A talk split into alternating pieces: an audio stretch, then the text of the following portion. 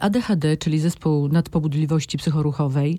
Jakie są charakterystyczne objawy tego zaburzenia, jeżeli możemy tak powiedzieć? Zgodnie z e, kryteriami diagnostycznymi triada objawów, czyli nadruchliwość, e, myślę o nadpobudliwości psychoruchowej, do tego zaburzenia koncentracji uwagi i impulsywność. I teraz tutaj będziemy mówić o różnym nasileniu każdego z tych objawów u różnych osób. Stąd właściwie każde ADHD jakoś jest jakoś inne. E, I dziecko, obraz dziecka jest, jest inny, co nie zmienia faktu, że będziemy mówić o ADHD wtedy, kiedy mm, dziecko ma trudności z funkcjonowaniem w co najmniej dwóch e, przestrzeniach, w których na co dzień funkcjonuje, czyli na przykład w szkole i w domu. I tutaj to jest istotne, żeby o tym pamiętać i że mm, no, jeżeli dziecko ma ADHD, to ono jest cały czas. Ale jakie są te charakterystyczne objawy? Jak rodzic może rozpoznać, że moje dziecko ma ADHD?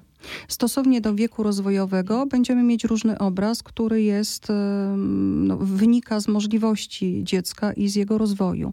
I teraz, jeżeli to będzie przedszkolak, to na pewno nie będziemy mieć bardzo wyraźnych zaburzeń koncentracji uwagi, no bo też nie, nie wiek, kiedy jest to naczelna i najbardziej nam potrzebna Oczywiście, przecież dziecko jest ruchliwe Dokładnie. w tym wieku w i to bardzo. Będziemy widzieć, że jest to dziecko, które jest bardzo ruchliwe, ma trudność z utrzymaniem się w zabawie, które bardzo szybko e, reaguje, reaguje czasami nad, właśnie nie czasami, zawsze nadmiernie na sytuacje, które tego nie wymagają i to jest, często tu się mówi o tym, jest takie skojarzenie niefajne, że, że jak ADHD, mówimy o ADHD, to mówimy o dziecku agresywnym. Tak nie jest. I myślę, że tutaj też trzeba pamiętać o tym, że nie, nie należy utożsamiać ADHD z agresją, że dziecko, jeżeli podejmuje jakieś działania, które mogą być interpretowane jako zachowania agresywne, one nie wynikają ze złych pobudek, one wynikają z impulsywności i z tego, że dziecko się e, nie koncentruje, jest nadruchliwe. To nie wynika z jego złej woli, to nie jego wina. Rozumiem. A są jakieś specjalistyczne testy, które y, mogą to sprawdzić? Rozpoznanie jest rozpoznaniem klinicznym, w związku z czym ocenia się zachowanie dziecka. I oczywiście można by tutaj odnosić się do testów, e, które mają charakter przesiewowy i odnoszą się do pewnych zachowań i ich obecności albo braku tych zachowań i można tutaj próbować tak oceniać. Natomiast też obserwacja kliniczna jest istotna. Taka obserwacja, która będzie też dotyczyła funkcjonowania dziecka zarówno samego, jak i dziecka w grupie, jak dziecka z rodzicami, jak dziecka w różnych miejscach, gdzie przebywa, czyli w klubie sportowym, e, w jakimkolwiek innym miejscu, e, gdzie jest, jakby informacje, które będą, będzie można zebrać, a właściwie lekarz jako e, specjalista musi uzyskać na to, żeby mógł postawić rozpoznanie. Nie można stawiać rozpoznania, mając informacje tylko z jednego środowiska. A czy rodzic może mm, sam pomóc jakoś takiemu dziecku, który cierpi na takie zaburzenie ADHD? Ja powiedziałabym, że nie może sam pomóc, tylko musi sam pomóc, jeżeli e, dziecko ma tą pomoc uzyskać. E, ale jednak powinien skorzystać z pomocy na pewno Zdecydowanie tak. wcześniej. Ja, mm, ja mówię mm, o tym, że e, musi w, w kategoriach... Tak na co dzień, tak? Tak, na co dzień i tego, że sam przede wszystkim musi być świadomy tego, jak, na czym polega trudność e, jego dziecka i że jego zachowania nie wynikają z jego złej woli, tylko wynikają z pewnych predyspozycji układu nerwowego. Tak bym to określiła, żeby też nie mm, etykietować dzieci. Natomiast to, co jest istotne, to istotna jest psychoedukacja i taka świadomość, która by dotyczyła nie tylko mm, środowiska rodzin i rodziny, ale dotyczyłaby też szkoły i wszystkich właściwie miejsc, gdzie dziecko przebywa, żeby zachowania, które się prezentuje wobec dziecka, były zachowaniami pomocowymi i takimi, które są spójne w każdym z tych środowisk. W związku z czym ta psychoedukacja z mojej perspektywy jest podstawową informacją, którą, która powinna towarzyszyć dziecku w każdym z miejsc. Kto może taką informację przekazać? Rodzic. On jest tym, który spędza z nim najwięcej czasu i tym, który dziecko e, kieruje w różne miejsca, które mogą być dla niego pomocne. I to jest jedno. Druga rzecz to, to są te działania, które można uzyskać z pomocą innych instytucji e, i tutaj e, wszelkiego rodzaju grupy terapeutyczne, grupy socjoterapeutyczne. Tutaj może być e, także e, pomoc, która będzie pomocą farmakologiczną, jeżeli jest taka potrzeba. E, są takie mm, standardy, które mówią o, o leczeniu i przede wszystkim stawia się jednak na psychoterapii, działania takie, które będą działaniami z kręgu oddziaływań pomocowych, a jako drugie dopiero wprowadza się leczenie, farmakologię, która ma wesprzeć te działania psychoterapeutyczne. Czyli sama farmakoterapia jest tylko wsparciem, ona nie leczy. To a nie jest tak, że można wyleczyć. A z ADHD się wyrasta? E nie wyrasta się niestety.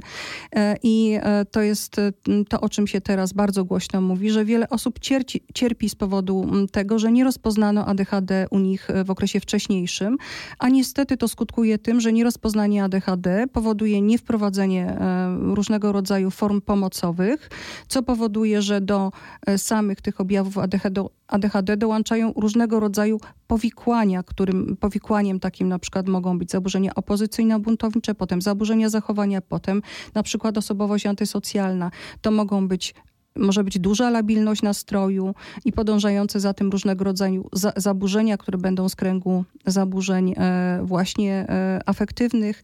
Za tym mogą podążać też zaburzenia związane z uzależnieniami, uzależnieniami od e, alkoholu, od leków i e, tu, tu, myślę, że trzeba o tym pamiętać, że wczesne rozpoznanie oznacza podjęcie działań, które spowodują, że nie będzie wszelkiego rodzaju powikłań, a dziecko może uzyskać sposoby, nauczyć się ich, jak sobie radzić z tymi trudnościami, które, które ma i które będą mu towarzyszyć całe życie. A co ma zrobić taki rodzic, który ma zdiagnozowane ADHD, ma dziecko, które też ma ADHD? Poradzi sobie z tym?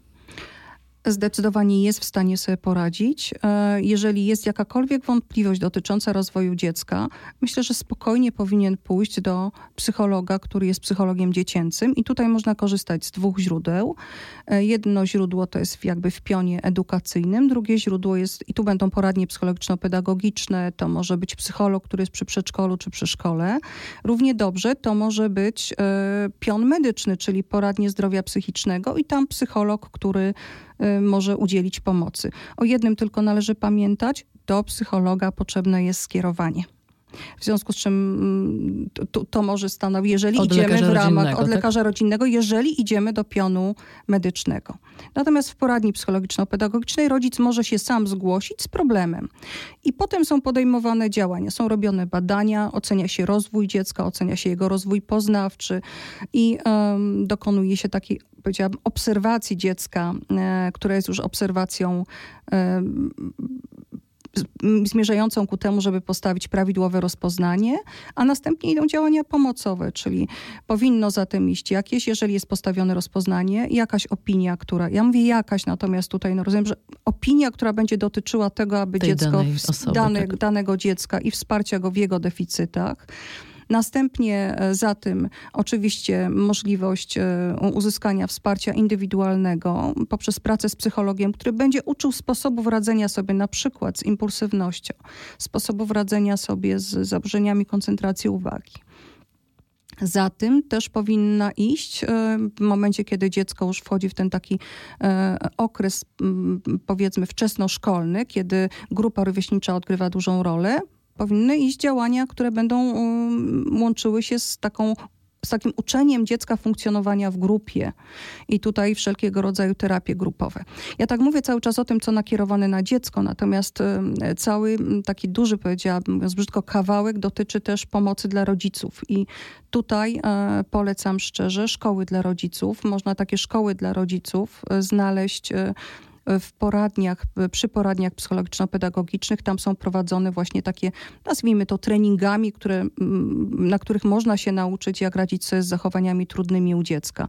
I myślę sobie, że to są takie podstawowe działania. Nie wspomniałam tutaj o szkole, natomiast szkoła sama ze swej strony też jest w stanie dziecku, które ma opinię i ma postawione rozpoznanie, pomóc poprzez mm, pewne dostosowania, które będą dotyczyły tego, jak ono jest e, traktowane, jeżeli chodzi o szkołę. Czyli to takie klasyczne posadzenie w pierwszej ławce, posadzenie w takim miejscu, żeby było jak najmniej bodźców, które będą. Ja tutaj nie chcę tego przytaczać, bo też nie miejsce na to, natomiast niewątpliwie istotne, żeby szkoła miała taką informację i wtedy można e, oczekiwać pewnego rodzaju działań, które będą na pewno dziecko wspierać i ułatwiać mu funkcjonowanie. Dziękujemy pięknie za te cenne informacje.